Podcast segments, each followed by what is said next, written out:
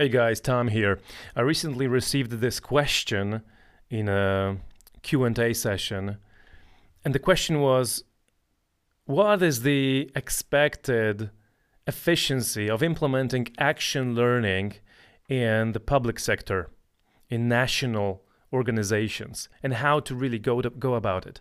So my experiences and my observations say that there is no really a difference between implementing action learning in business, in public sector, in non-government organizations. It more depends on individual people and on the organizational culture. So whether you are implementing action learning, design thinking, lean, agile, six sigma or whatever, so you're trying to use a different methodology in an organization, different from what they normally do in that organization.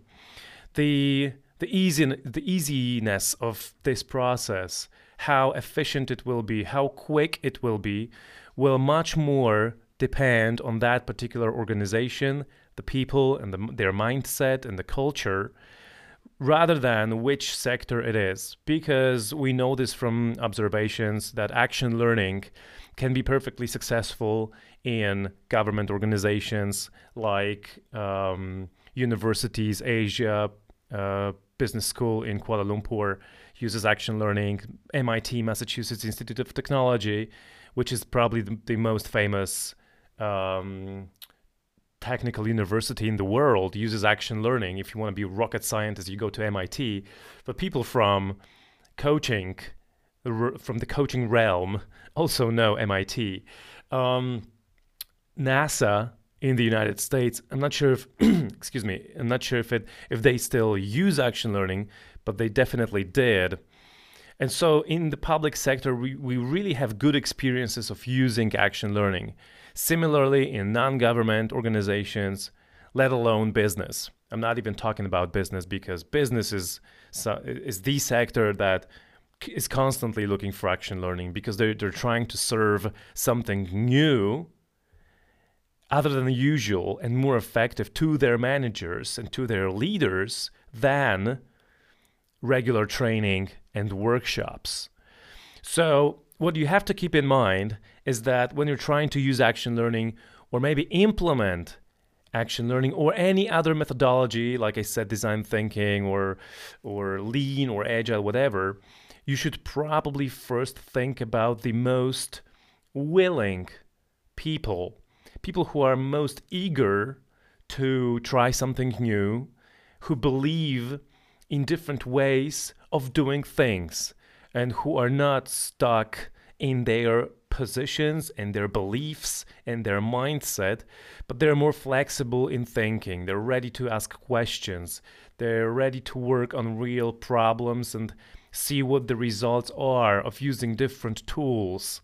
So, this is probably a lot more important than um, which sector it is, and first pick those people and pick those teams that are the best that that create sort of the most fertile uh, ground, the most fertile soil, so to speak, for these projects.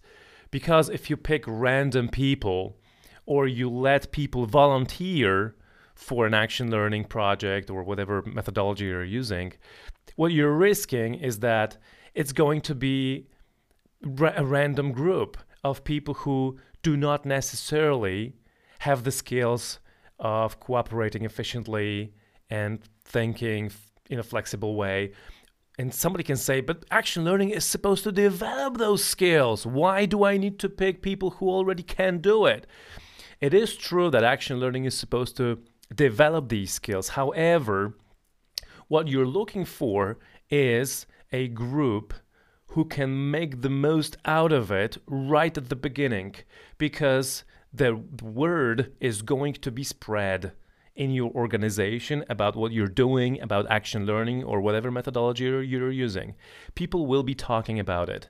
And if the first group is not really satisfied, if the effects are, are mediocre, then the the, the, the, the word about it in the organization will not be in your favor will not be the best for the methodology.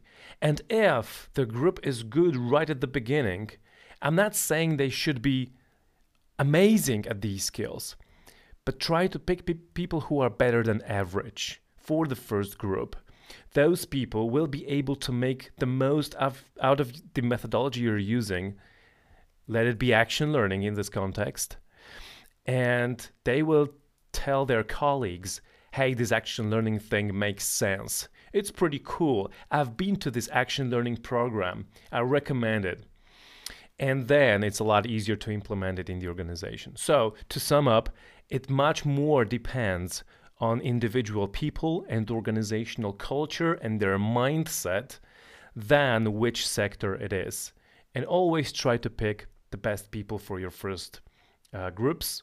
It's going to make the, the most sense and it will be a lot easier to implement your method in the organization.